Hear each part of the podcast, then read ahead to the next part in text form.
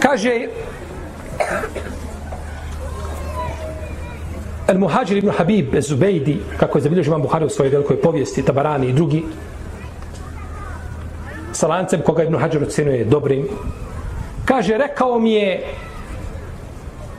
Esed ibn Kurz, ashab. Kaže, rekao mi je poslanik, sallallahu alaihi wasallam, kaže, znaj o Esed ibn da nećeš ući u džennet svojim dijelima.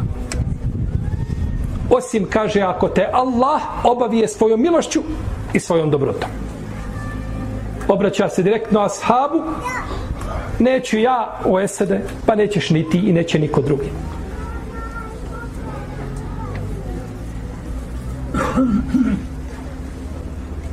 Znači, nema dženneta dijelima. Znači, kako je došlo u hadisima. Dobro, uzvišeni Allah azuđel kaže u Kur'anu O tilkumu l'đennetu l'ati uristu muha bima kuntum tamelun. Kaže, eto to vam je taj džennet koga ste dobili zbog dijela koja ste činili. Pa ajet po spolješnosti govori drugačije nego hadisi.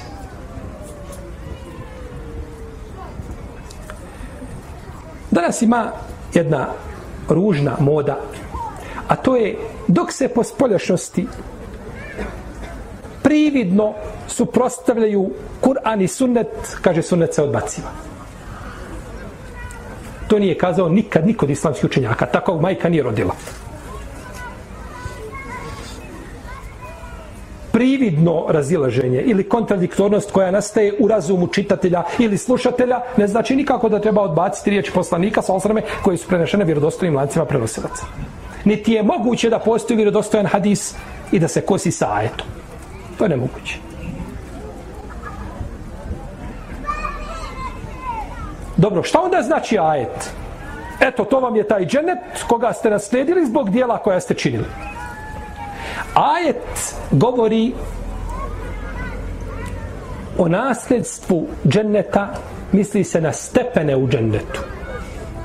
Hadis govori o jednoj tematici, a ajet govori o drugoj tematici. Hadis se odnosi na to da ne možeš ući u džennet. I možda i vječni ostanak u džennetu da bude zbog dijela koja su činio. Ali stepeni u džennetu se zarađuju čime? Dijelima. Jer stepeni ljudi su u džennetu razlikuju, je tako? Definitivno. Na osnovu čega se razlikuju? Osnovu lepote porijekla, na osnovu dijela. Pa kada se kaže to vam je taj džennet, znači stepen u džennetu koji si dobio na osnovu dijela koja činiš.